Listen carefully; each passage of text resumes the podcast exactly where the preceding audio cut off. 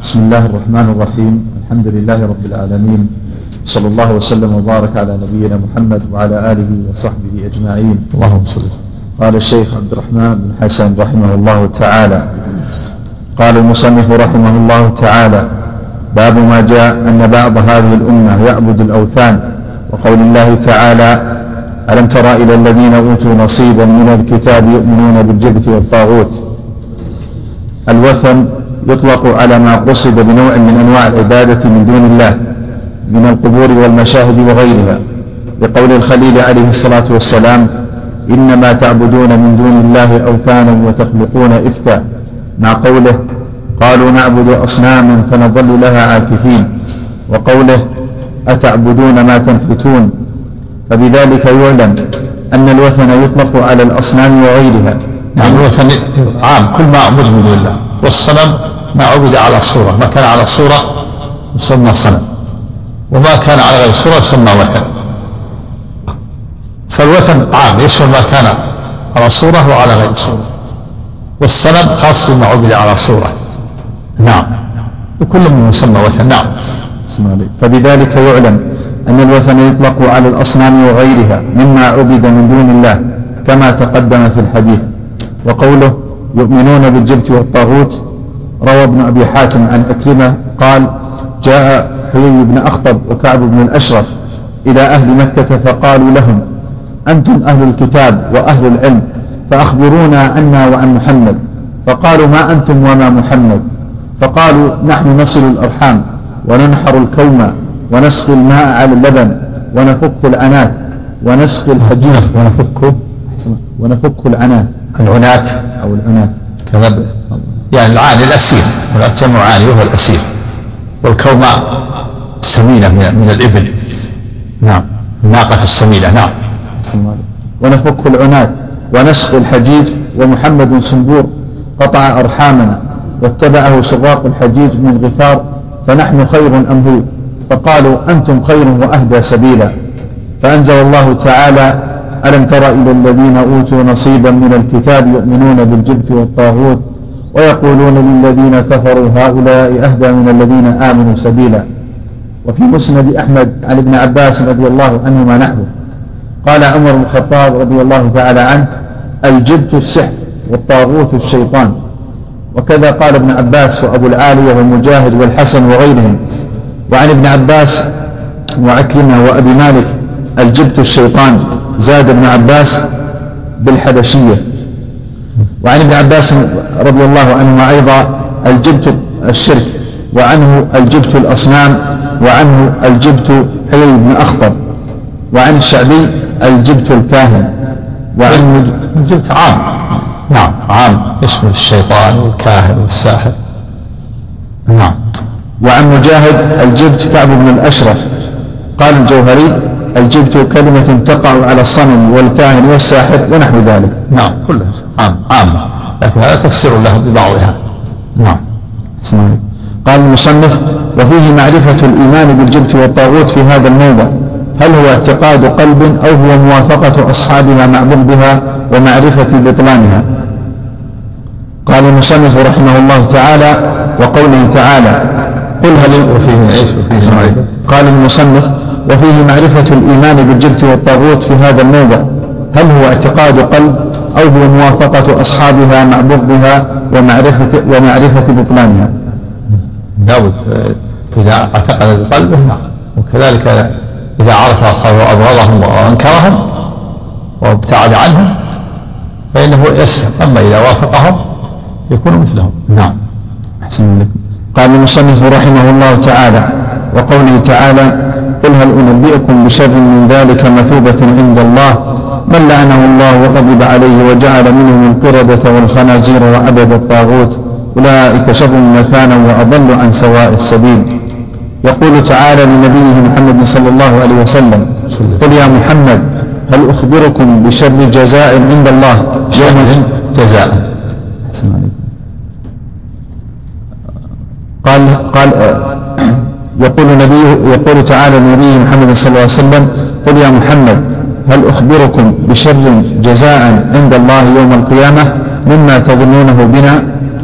وهم أنتم أيها المتصفون بهذه الصفات المفسرة بقوله المفسرة بقوله من لعنه الله أي أبعده من رحمته وغضب عليه أي غضبا لا يرضى بعده أبدا وجعل منهم القردة والخنازير. وقد قال الثوري عن علقمة بن مرثد عن المغيرة بن عبد الله عن معرور بن سويد إن ابن مسعود رضي الله عنه قال سئل رسول الله صلى الله عليه وسلم عن القردة والخنازير أهي مما مسخ الله؟ فقال إن الله لم يهلك قوما أو قال لم يمسخ, لم يمسخ قوما فيجعل لهم نسلا ولا عاقبة وإن القردة والخنازير كانت قبل ذلك. ورواه مسلم. المعنى أن القردة والخنازير أمتان. أمتان من الأم. خنازير أمة. والقردة أمة والكلاب أمة وليست الممسوخة. اللي مسخهم الله من بني إسرائيل لا يعيشون. كما جاء يعني ما يعيش أكثر من ثلاثة أيام. الممسوخ ولا ينسك ولا يعقل. المنسول لا ينسك القردة الخنازير ليست مثلا للخنازير والقردة الذين مسخوا. كما جاء حديث وإنما وإنما القردة والخنازير مكان من الأمم. والقردة الخنازير مسخهم الله ماتوا بعد ثلاثة أيام. لم يسلم. نعم. السلام عليكم. ليكون الأصح أن يقال إخوان القردة بدل أبناء القردة والخنازير. إيه أبناء. أبناء. نعم. نعم جاء في الحديث. إنه في حديث مسخ وقذف وخسف. نسال الله السلامه والعافيه نعم. قال البغوي في تفسيره قل يا محمد هل أنبئكم أخبركم. بشر من ذلك يعني قولهم لم لم نرى أهل دين أقل حظا في الدنيا والآخرة منكم ولا دينا شرا من دينكم. فذكر الجواب بلفظ الابتداء كقوله قل أفأنبئكم قل أفأنبئكم بشر من ذلك من النار؟ وقوله مثوبة ثوابا وجزاء. نصب على التفسير. عند الله من لعنه الله وغضب عليه وجعل منهم القردة والخنازير. فالقردة أصحاب السبت. والخنازير كفار مائدة عيسى. وعن علي بن أبي طلحة عن ابن عباس رضي الله عنهما أن المسخين كلاهما من أصحاب السبت فشبابهم مسخوا القردة ومشايخهم مسخوا خنازير. وعبد الطاغوت أي وجعل منهم من عبد الطاغوت أي أطاع الشيطان فيما سور له. وقرأ ابن مسعود وعبد الطاغوت. وقرأ حمزة و و وعبد الطاغوت. و وعبد عبد الطاغوت. جمع خنازير وعبد الطاغوت. قال وعبد الطاغوت بضم الباء وجر التاء. وعبد الطاغوت. عبد. وعب نعم. وإيش؟ إيش؟ بضم إيش؟ بضم الباء في عدة قراءات نعم. في بضم بضم الباء وجر التاء. عبد عبد بضم إيش؟ بضم الباء وجر التاء. وعبد الطاغوت. وعبد الطاغوت نعم. وعبد الطاغوت بضم الباء وجر التاء. أراد العبد وهما لغتان عبد بجزم الباء وعبد بضمها. لغتان. عبد وعبد. نعم. مثل سبع وسبع. سبع وسبع. عبد وعبد. نعم. وقرأ الحسن وعبد الطاغوت على الواحد. وفي وفي تفسير الطبرسي قرأ حم قرأ حمزة وحده وعبد الطاغوت. إيش تفسير من؟ وفي وقال وفي تفسير الطبرسي. كذا؟ قال الحاشية الطبري. طبري. في نسخة الطبري الطبري الطبري قال وهو أبو يعلى الفضل بن الحسن الطبرسي بغوي مفسر شيعي محترق. كيف؟ روضات الجن قال أحسن لك في نسخة الطبري ثم قال تحريف وهو أبو يعلى الفضل بن الحسن الطبرسي. يعني الطبرسي غير الطبري. الطبري معروف الطبرسي بالنسبة لطبرستان عندكم كذا؟ نعم. نعم. نعم. أحسن الله. قال وفي تفسير الطبرسي قرأ حمزة وحده وعبد الطاغوت بضم الباء وجر التاء والباقون وعبد الطاغوت بنصب الباء وفتح التاء. وقرأ ابن عباس وابن مسعود وإبراهيم النخعي والاعمش وأبان بن تغلب وعبد وعبد الطاغوت وعبد الطاغوت. وعبد الطاغوت نعم. وعبد الطاغوت بضم العين والباء وفوت جمع عابد. نعم. بضم العين والباء وفتح الدال وخفض التاء. قال وحجة حمزة في قراءته وعبد الطاغوت أنه يحمله على ما عمل فيه. جعل كأنه وجعل منهم عبد الطاغوت. وما يحمله على إيش؟ قال احسن عليك أنه يحمله على ما عمل على ما عمل فيه جعل. كأنه وجعل منهم عبد الطاغوت. ومعنى جعل خلق كقوله وجعل الظلمات والنور. وليس عبد وليس عبد لفظ جمع لأنه ليس من أبنية الجموع شيء على هذا البناء. ولكنه ولكنه واحد يراد به الكثرة. ألا ترى أن في الأسماء المفردة المضافة إلى المعارف ما لفظه لفظ الإفراد ومعناه الجمع كما في قوله وإن تعدوا نعمة الله لا تحصوها ولأن بناء فعل يراد به المبالغة مبالغة والكثرة نحو يقضى ودنس وكأن تقديره أنه قد ذهب في عبادة الطاغوت كل أنه قد ذهب في عبادة الطاغوت كل مذهب. وأما من فتح فقال وعبد الطاغوت فإنه عطفه على بناء المضي الذي في الصلة وهو قوله لعنه الله. وأفرد الضمير في عبد وإن كان المعنى فيه الكثرة لأن الكلام محمول على لفظه دون معناه وفاعله ضمير من كما أن فاعل إيش؟ أفرد. قال وأفرد الضمير في عبد وإن كان المعنى فيه الكثرة لأن الكلام محمول على لفظه دون معناه وفاعله ضمير من كما أن فاعل الأمثلة المعطوفة, المعطوف عليها ضمير من؟ فأفرد فأفرد لحمل ذلك جميعا على اللفظ. وأما قوله عبد الطاغوت فهو جمع عبد. وقال أحمد بن يحيى عبد جمع عابد كبازل وبزل وشارف وشرف. وكذلك عبد جمع عابد أو عبد جمع عابد. ومثله عباد ومثله عباد وعباد. عبد الطاغوت وعباد وعباد. عبد عبد وعباد وعباد. الجمع نعم. قال ومثله عباد وعباد انتهى. وقال شيخ الإسلام رحمه الله في قوله وعدد الطاغوت الصواب أنه معطوف على ما قبله من الأفعال أي من لعنه الله وغضب عليه ومن جعل منهم القردة والخنازير وعدد الطاغوت. قال وفي نسخة ومن عدد الطاغوت. قال والأفعال متقدمة الفاعل فيها اسم الله اسم الله تعالى مظهرا ومضمرا. وهنا الفاعل اسم من؟ عبد الطاغوت. وهو الضمير في عبد. ولم يعد ولم يعد سبحانه من؟ لأن ولم يعد سبحانه من؟ لأنه جعل يعدي ولم يعد سبحانه. قال ولم يعد سبحانه من؟ نعم. لأنه جعل هذه الأفعال صفة لصنف واحد وهم اليهود. قوله أولئك شر مكانا مما تظنون بنا وأضلوا عن سواء السبيل وهذا من باب استعمال أفضل أفعل التفضيل فيما ليس في الطرف الآخر مشاركة كقوله أصحاب الجنة يومئذ خير مستقرا وأحسن مقيلا. قاله العماد بن كثير في تفسيره وهو ظاهر. قال المصنف رحمه الله تعالى وقول الله تعالى قال الذين غلبوا على أمرهم لنتخذن عليهم مسجدا. والمراد أنهم فعلوا مع الفتية في بعد أنهم فعلوا مع الفتية في بعد موته ما يذم فاعله. لأن النبي صلى الله عليه وسلم قال لعن الله اليهود والنصارى اتخذوا قبور أنبيائهم مساجد أراد تحذير أمته أن يفعلوا كفعلهم. قال المصنف رحمه الله تعالى وعن أبي سعيد رضي الله عنه بركة.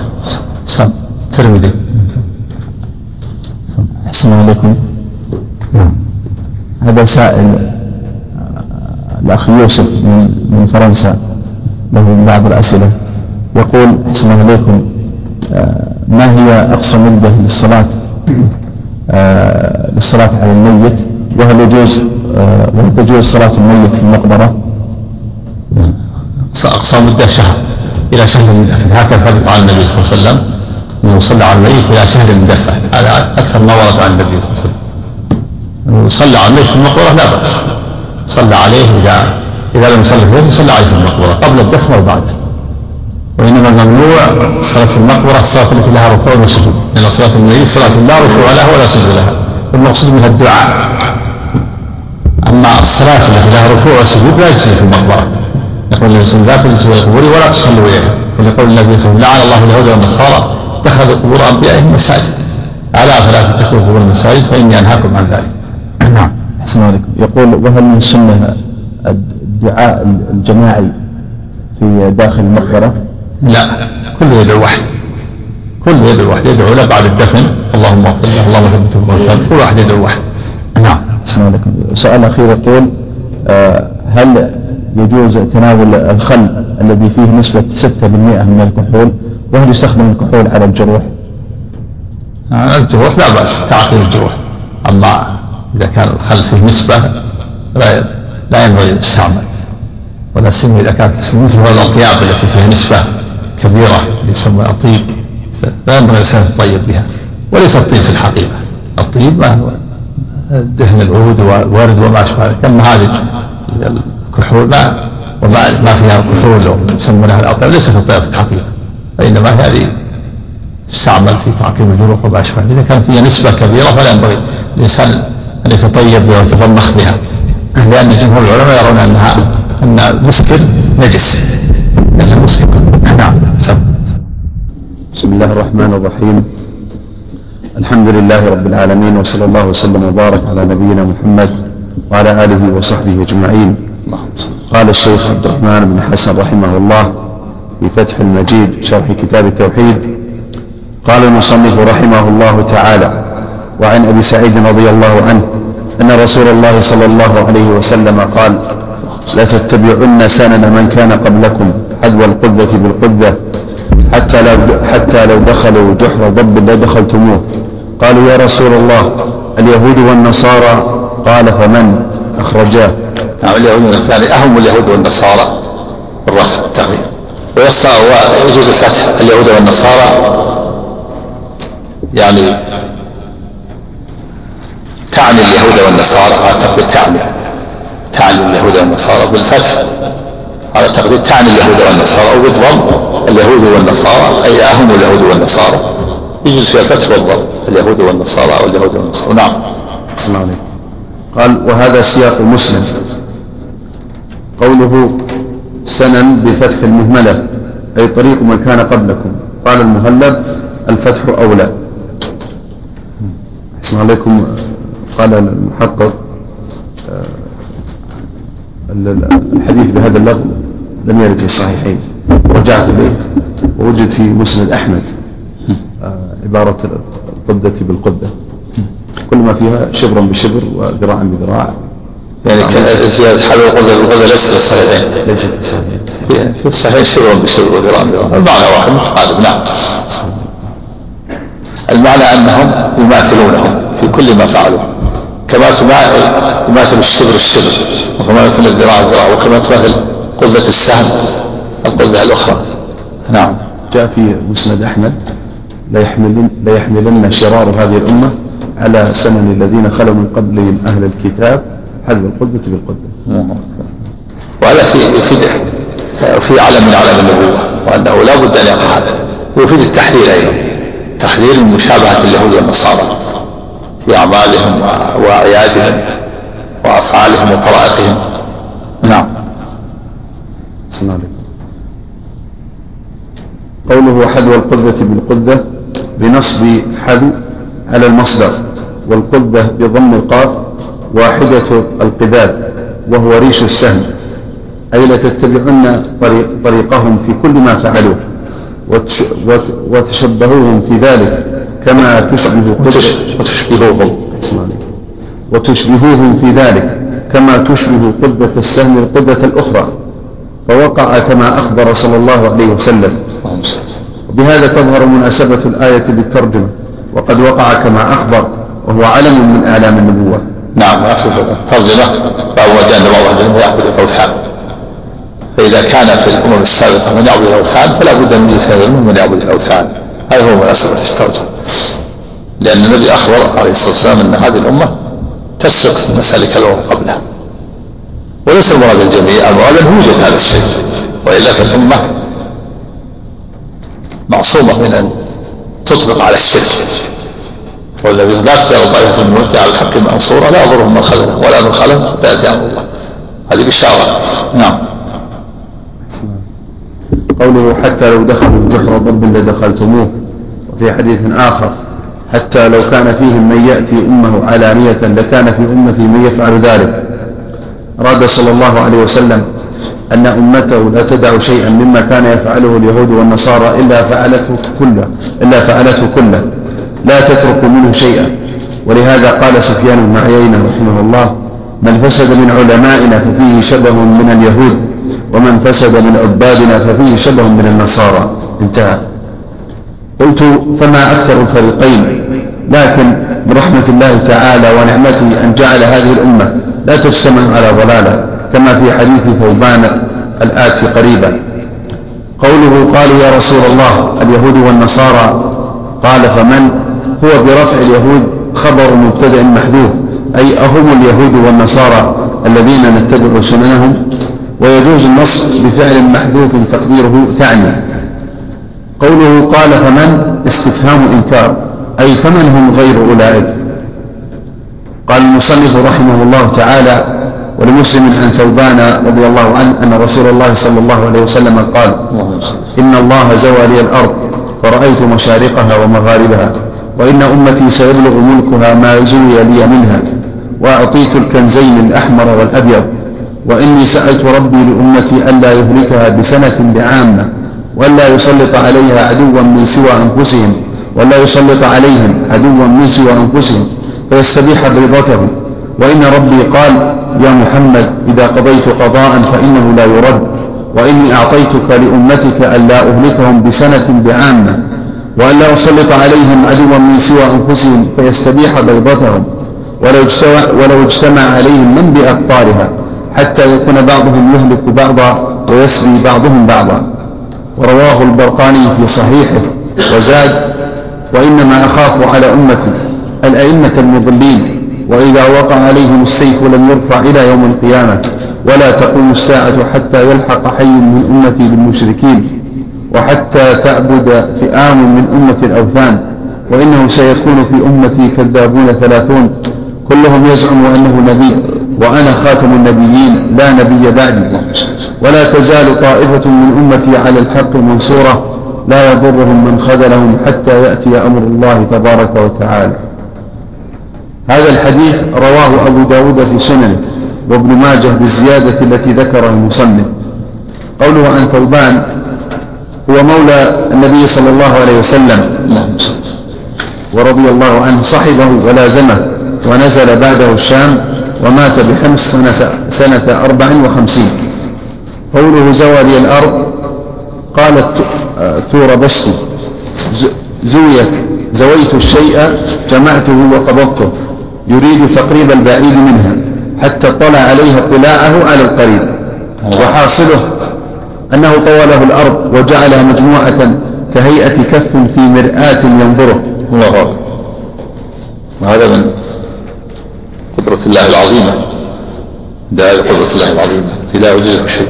ومن دلائل نبوة النبي صلى الله عليه وسلم. زوالها الأرض كان في كف كان مرآة أمامه ينظر إليها. ومشارقها ومغاربها نعم. نعم. قال الطيبي. طيب. قال الطيبي. قال الطيبي.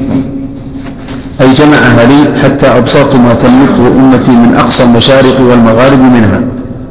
قوله وإن أمتي سيبلغ ملكها سيبلغ ملكها ما زوي لي منها قال القرطبي هذا الخبر وجد مخبره كما قال. وجد مخبر. يعني في الواقع وقع. قال القرطبي هذا الخبر وجد مخبره كما قال. وكان ذلك من دلائل نبوته وذلك أن ملك أمته اتسع إلى أن بلغ أقصى طنجة بالنون والجيم الذي هو منتهى عمارة المغرب إلى أقصى المشرق مما وراء خراسان والنهر وكثير من بلاد الهند والسند والضغط ولم يتسع أحسن عليك وكثير من بلاد الهند والسند والصغد الصوت نعم قال بلاد واسعة فيما وراء النهر عاصمتها سمرقند. تحت الاحتلال الروسي ما جميع البلدان قال ولم يتسع ذلك الاتساع من جهة الجنوب والشمال ولذلك لم يذكر عليه الصلاة والسلام أنه أريه ولا أخبر أن ملك أمته يبلغه. ولم يتسع من جهة الشمال. ولم يتسع ذلك الاتساع من جهة الجنوب والشمال.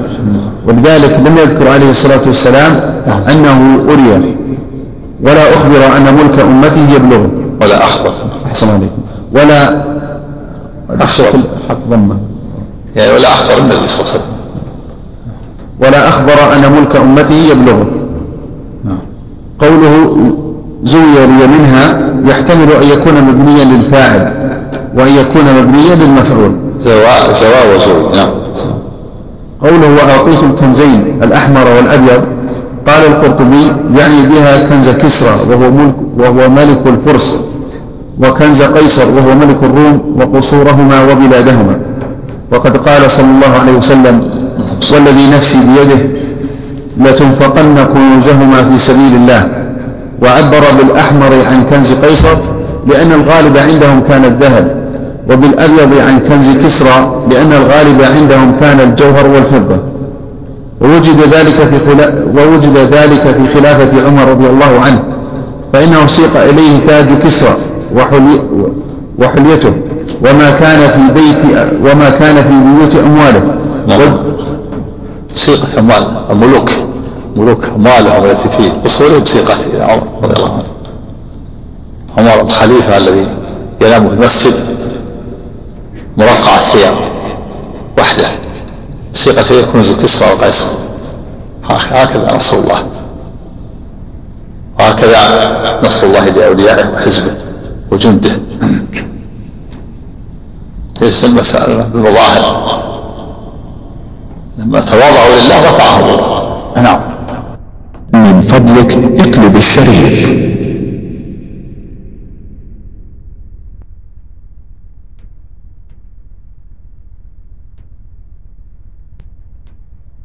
المسألة بالمظاهر لما تواضعوا لله رفعهم الله نعم قال فإنه سيق إليه تاج كسرى وحليته كسرى و دولة الفرس ودولة الروم هم دولتان عظيمتان في ذلك الوقت في زمن النبوة. يعني يسيطران على العالم. مثل روسيا وأمريكا عندنا الآن. في هذا في هذا الزمن. ومع ذلك خذلهم الله ومزقت بلادهم. والان المسلمين اذا عادوا إلى الله ورجعوا إلى الله. تمزق هاتان الدولتان الآن. روسيا مزقت. مزقت الآن. والشيشان والحمد لله انتصارات عظيمة. وأمريكا كذلك. سوف تهزم إن شاء الله. بداية وضعنا هذا الحادث هذه بداية انهياره هذا الحادث هذا بداية انهياره فيه دليل على أنها تهزم وأن المسلمين إذا نصروا نصروا الله نصرهم الله. وأنها مهما أوتيت من قوة فقوتها ليست شيء. أمام الله. كم من فئة قليلة فئة كبيرة بإذن الله. المهم النصر والصدق. نصر الله والصدق مع الله. من يصدق الله يصدق ان تنصر الله يصدق ويثبت اقدامكم نعم. نعم. قال فإنه سيق إليه تاج كسرى وحليته وما كان في بيوت امواله وجميع ما حوته مملكته على سعتها وعظمتها. وكذلك فعل الله بقيصر والأبيض والأحمر منصوبان على البدل قوله الشعب عليكم. ووجد ذلك في خلافة عمر رضي الله عنه. فإنه سيق إليه تاج كسرى وحدته وما كان في بيوت أمواله وجميع ما حوته مملكته على سعتها وعظمتها. وكذلك فعل الله بقيصر والأبيض والأحمر منصوبان على البدل قوله وإني سألت ربي لأمتي ألا يهلكها بسنة بعامة. هكذا ثبت في أصل المصنف رحمه الله تعالى بعامة بالباء وهي رواية وهي رواية صحيحة في صحيح مسلم وفي بعضها بحذفها.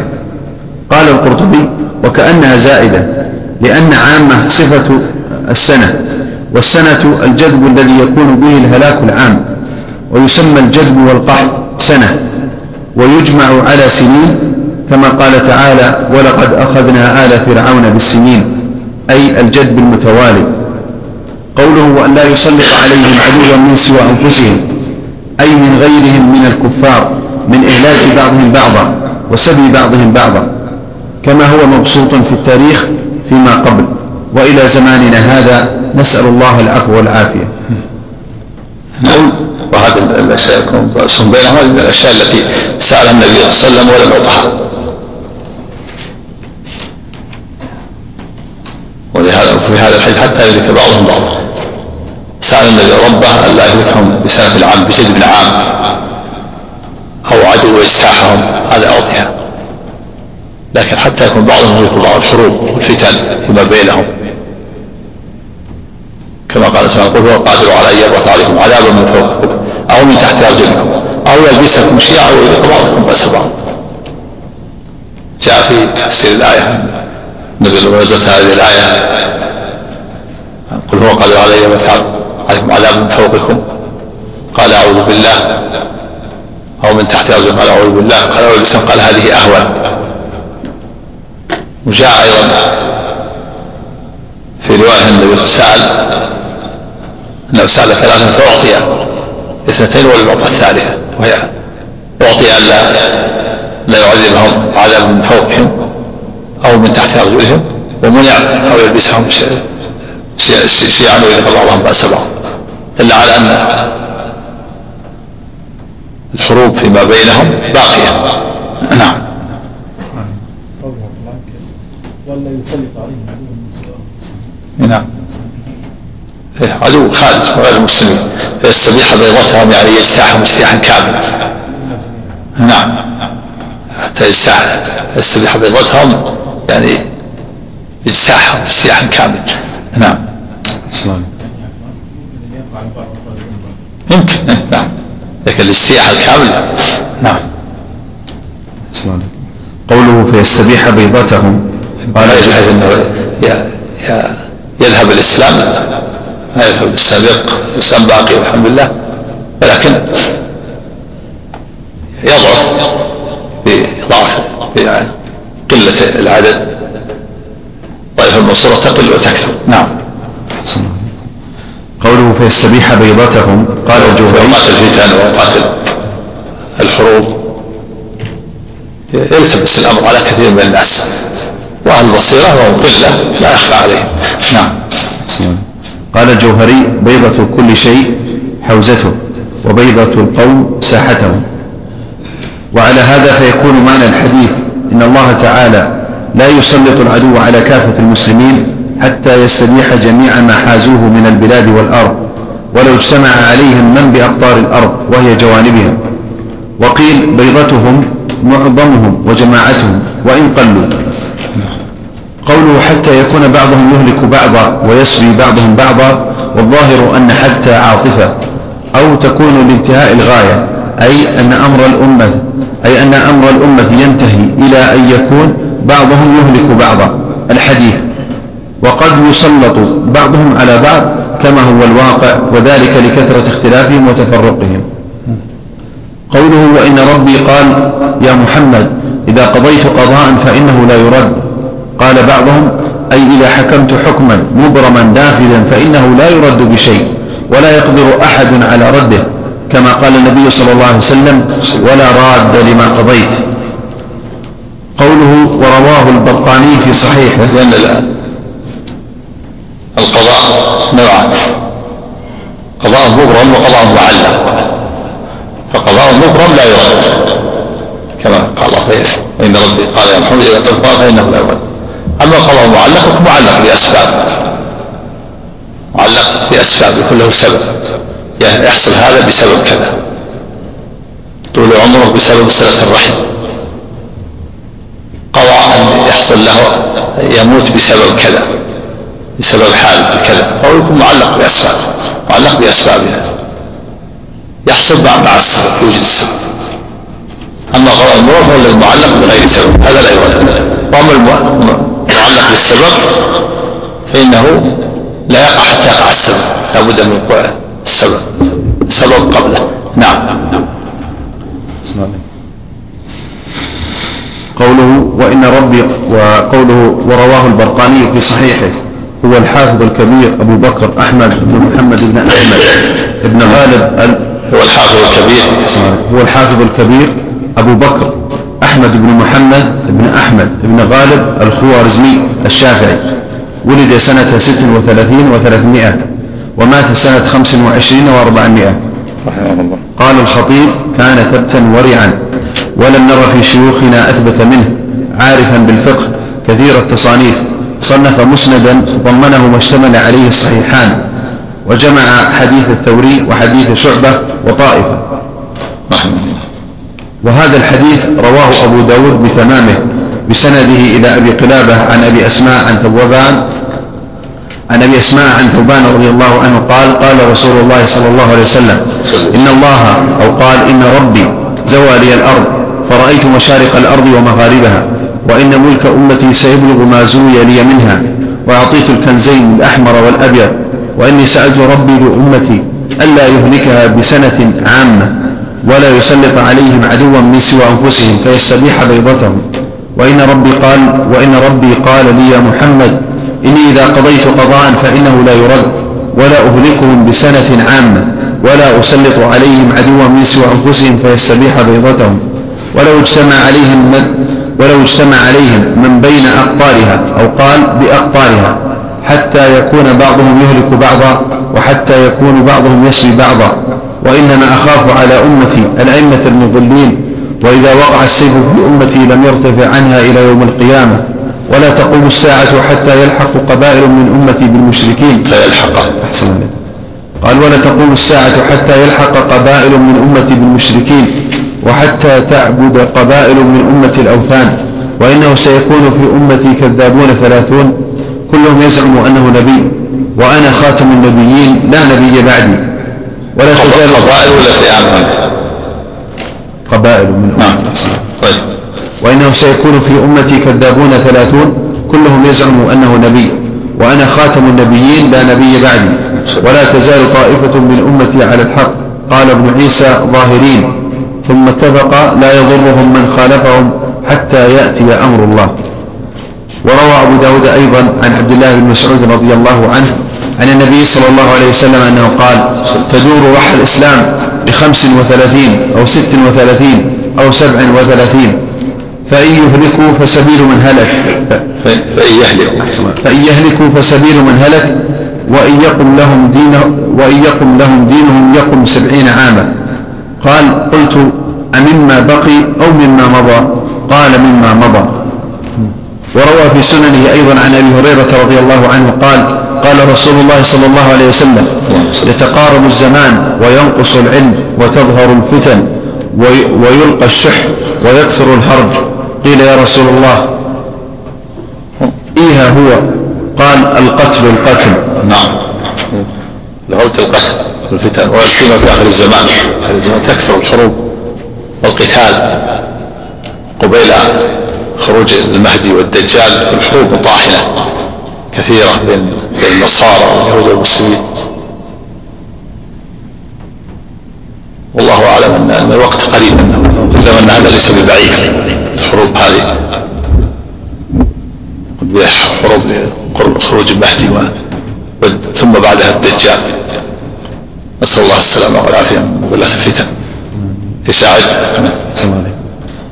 وروى في سننه أيضا عن أبي هريرة رضي الله عنه قال قال رسول الله صلى الله عليه وسلم يتقرب الزمان وينقص العلم وتظهر الفتن ويلقى الشح ويكثر الهرج. قيل يا رسول الله إيه هو؟ قال القتل القتل. أو أيه نعم. إيش؟ أيها أيه أيه هو أيه هو شلون قال بالشكل أحسن لك أيه هو الهاء؟ نعم بالهاء. ثم عندكم. أيه هو بالهاء أيه أيه هو قيل يا رسول الله أيه هو استفهام استفهام. كان هذا السكت. أيه استفهام. عليه تعليق؟ ما عليه إيش؟ قيل يا رسول الله. قيل يا رسول الله أيه؟ هو قال القتل القتل. قوله وإنما أخاف على أمة الأمة المضلين أي الأمراء والعلماء والعباد فيحكمون فيهم بغير علم فيضلوهم كما قال تعالى وقالوا ربنا إنا أطعنا سادتنا وكبراءنا فأضلونا السبيل وكان بعض هؤلاء يقول لأصحابه من كان له حاجة فليأتي إلى قبري.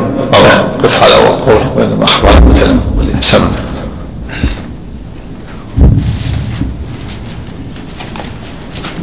عليكم. بعض الأسئلة عن طريق الشبكة.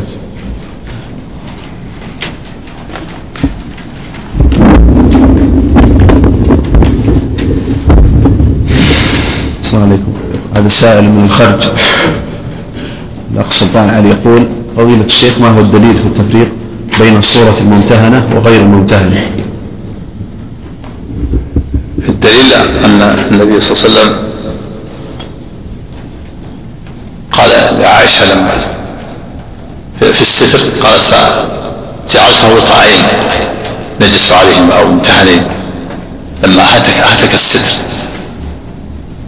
فأخذ العلماء من هذا أن أن الصورة الممتهنة لا بأس ببقائها إذا كانت توضع فرق بين الإبقاء وبين التصوير التصوير لا يجوز مطلقا لكن إذا وجدت الصورة فإنه يجوز إبقاؤها إذا كانت ممتهنة توضع أو تتكى عليها ويجلس عليها. نعم. السائل يقول إذا كان كلا الأبوين كتابيين هل يتبعهما الولد؟ النبي صلى الله عليه وسلم قال فأبوه الهويدان والنصران وبجسات لا ما يلحق بهم إذا كان كلاهما يكون يكون أسلم. لكن إذا بلغ إذا بلغ يحاسب. وأما قبل ذلك هو مولود على الفطرة. مولود على مولود على الفطرة؟ إذا نبلغ مرة الصواب أنه إذا مات من أطفال المشركين في الجنة. إذا مات قبل البلوغ. هذا هو الصواب. قال بعض العلماء يمتحن أما إذا بلغ يقول لك يعني. بلغ يكون مكلف. نعم. الأخ منصور من الطائف يقول هل عذاب القبر فقط للذين ذكرهم الرسول صلى الله عليه وسلم أم لأناس غيرهم؟ وهل هو للمؤمنين والكفار جميعا أم هذا مخصوص للمؤمنين؟ عذاب القبر.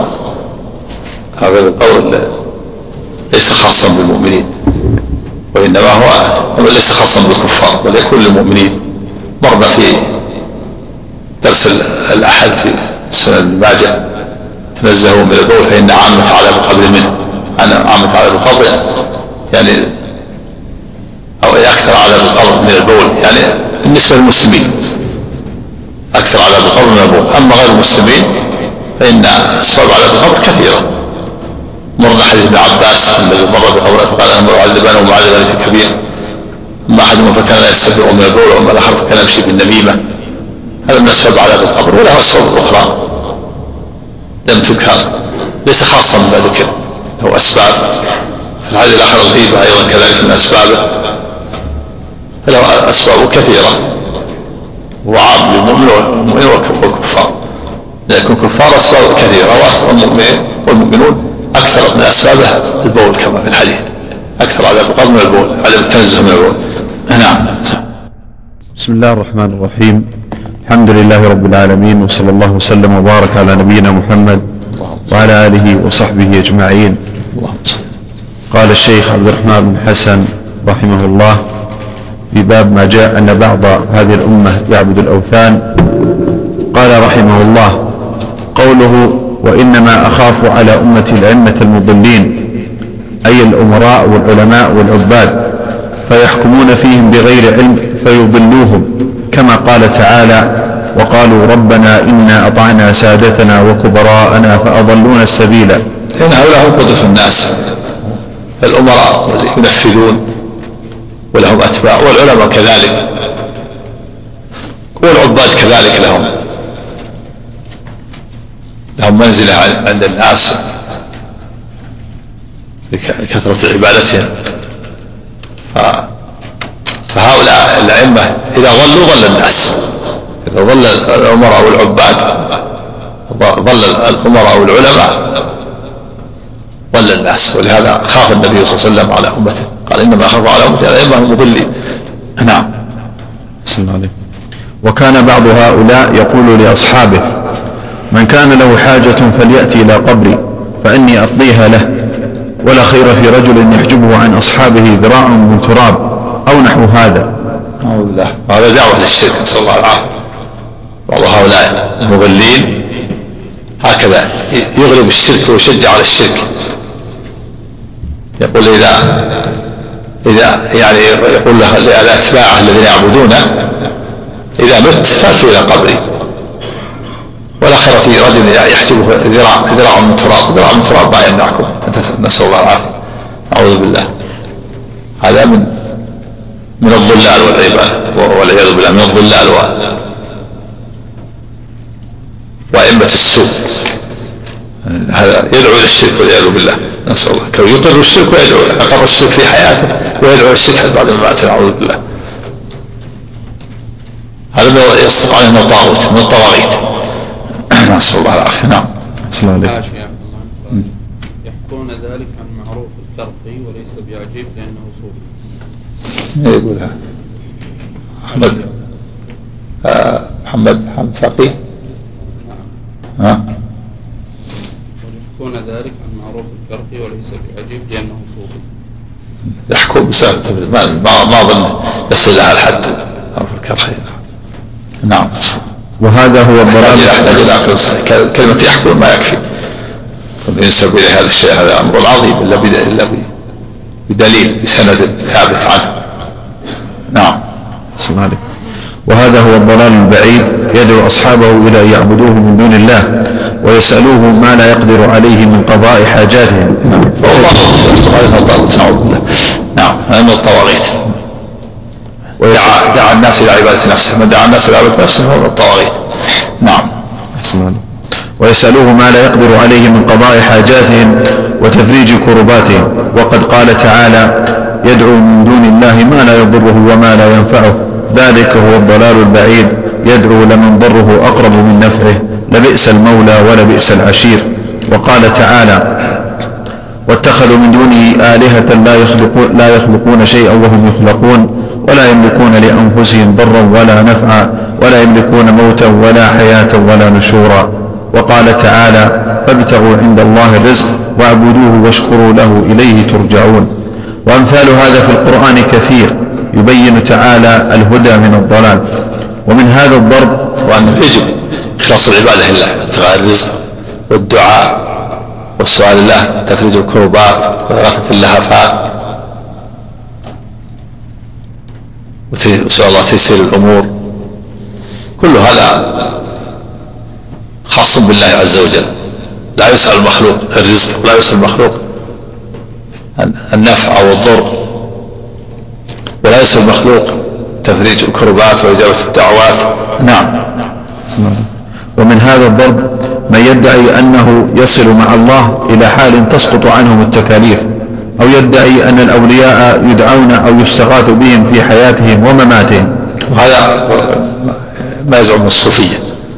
والصوفية يقول إن إن العابد أو الولي إذا وصل إلى حالة آه، من المنزلة وتجاوز ما عليه العامة وألغى صفاته وجعلها صفات لله سقط عنه التكليف. ويدعي أنها له العلم. ويستلم بقوله واعبد ربك حتى يأتيك اليقين يقول اليقين أي العلم. فإذا علم أن ما قدر سيكون وألغى صفاته وجعل صفات الله سقط عنه التكليف عندهم والعياذ بالله. أو أن بعض الأولياء بعضهم يزعم أن بعض يدعى من دون الله وأنه ينفع ويضر. كل هذا كفر وضلال نعوذ بالله. قال الشيخ الإسلام ابن تيمية رحمه الله من من زعم أن أحد يسقط عنه التكليف وعقله معه فهو يستتاب فان تاب والا قتل كافرا نعوذ بالله. ما أحد يسقط عنه التكليف إلا إذا رفع العقل. قال تعالى واعبد ربك حتى يأتيك اليقين. اليقين هو الموت. لا يسقط التكليف عن العبد إلا إذا كان ما عنده عقل. في غيبوبة أو خرف يكون كبير السن أو صغير ما بلغ أو مجنون. هذا مرفوع عن القلم أو كذلك الحائض والنفساء يرفع ترفع عنهم الصلاة خاصة بعد ذلك فلا أحد عن التكليف. مهما مهما بلغ. المكان بل, بل كلما عظمت وزيرته كلما آه، قوي قويت عبادته وتعلقه بالله عز وجل ورغبته إليه. ولهذا أشرف مقامات النبي صلى الله عليه وسلم العبودية الخاصة والرسالة. وتصف الله بالعبودية في أشرف المنازل في أشرف المقامات. مقام الدعوة وأنه لما قام عبد الله يدعو. مقام الإسراء سبحان الذي أسرى بعبده ليلا. مقام الإنزال. وإن كنتم في ريب مما نزلنا على عبدنا. أشرف مقامات العبودية الخاصة والرسالة. فكيف يقال بعد هذا إن هناك أحد يسقط عنه التكليف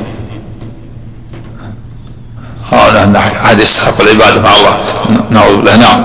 صلى الله عليه ومن هذا الضرب من يدعي أنه يصل مع الله إلى حال تسقط عنهم التكاليف أو يدعي أن الأولياء يدعون أو يستغاث بهم في حياتهم ومماتهم وأنهم ينفعون ويضرون ويدبرون الأمور على سبيل الكرامة. هذا شرك في الربوبية زيادة أيضا. اعتقد أنهم ينفعون ويضرون ويدبرون كون مع الله. صار شرك في الربوبية. أعظم الشرك في العبادة. تجاوز شركان شرك المشركين.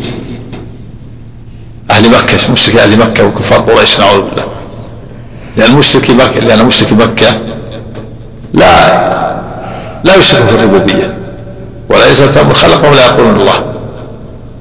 فإنما شركهم في العبادة. والألوهية نعم. عليكم. وأنهم ينفعون ويضرون ويدبرون الأمور على سبيل الكرامة أو أنه يطلع على اللوح المحفوظ ويعلم أسرار الناس وما في ضمائرهم. أعوذ بالله. كل هذا كفر وضلال أعوذ بالله. هذا من دعوى علم الغيب. يعلم ما في ضمائر الناس. بعضهم يخاف بعض المشركين. يخاف من الولي إنه يعلم ما في نفسه. يعلم ما في ضميره. أعوذ بالله. وكذلك بعضهم يزعم أن الولي يأخذ من اللوح المحفوظ مباشرة. كل هذا كفر وضلال نعوذ بالله. نعم. السلام عليكم. أو يجوز بناء المساجد على قبور الأولياء والصالحين. كذلك لأن هذا وسيلة للشرك ودعوة للشرك. وجعلهم من شرار الناس كما الحديث من شرار الناس من تدركهم الساعة وهم أحياء والذين اتخذوا قبور مساجد نعم. وإيقادها بالسرج ونحو ذلك من الغلو والإفراط والعبادة لغير الله. فما أكثر هذا في فما أكثر هذا الهذيان والكفر ما أكثر. عليكم فما أكثر هذا الهذيان والكفر والمحادة لله ولكتابه ولرسوله. صلى الله السلامة والعافية وقوله صلى الله عليه وسلم وإنما أخاف على على أمتي الأئمة المضلين أتى بإنما التي قد تأتي للحصر بيانا لشدة خوفه على أمته من أئمة الضلال. وما وقع في خلد النبي صلى الله عليه وسلم من ذلك إلا لما أطلعه الله عليه من غيبه أنه سيقع. نظير ما في الحديث قبله من قوله لتتبعن سنن من كان قبلكم الحديث وقد بين الله تعالى في كتاب في كتابه صراطه المستقيم الذي هو سبيل المؤمنين. فكل من أحدث حدثا ليس في كتاب الله ولا في سنة رسوله صلى الله عليه وسلم فهو ملعون. وحدثه مردود كما قال صلى الله عليه وسلم من أحدث حدثا أو آوى محدثا فعليه لعنة الله والملائكة والناس أجمعين لا يقبل الله منهم منه يوم القيامة صرفا ولا عدلا.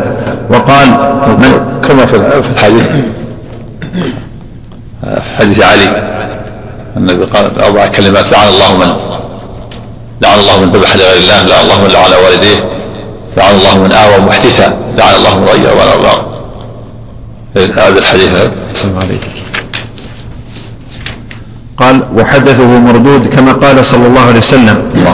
من أحدث حدثا أو آوى محدثا فعليه لعنة الله والملائكة والناس أجمعين لا يقبل الله منه يوم القيامة صرفا ولا عدلا. نعم وهذا يدل على أنه من الكبائر. اللعن لا يكون على كبيرة. وأصل لعن الطرد والإبعاد من رحمة الله. نعم. وقال من أحدث في أمرنا هذا ما ليس منه فهو رد. وقال كل محدثة بدعة وكل بدعة ضلالة. رد يعني فهو مردود حديث في أمرنا هذا يعني في الدين. نعم.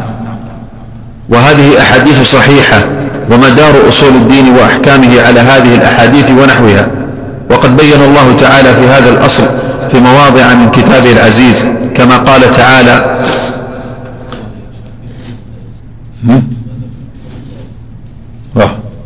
وهو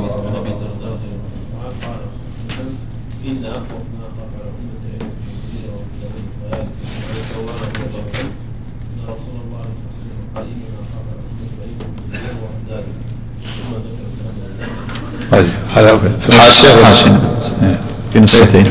السقط يعني رأى أن هذا يعني النسخة هذه معتمد يمكن معتمد على مخطوطات أخرى ليس سقط فيها الحديث. نعم. وهذه أحاديث صحيحة ومدار أصول الدين وأحكامه على هذه الأحاديث ونحوها.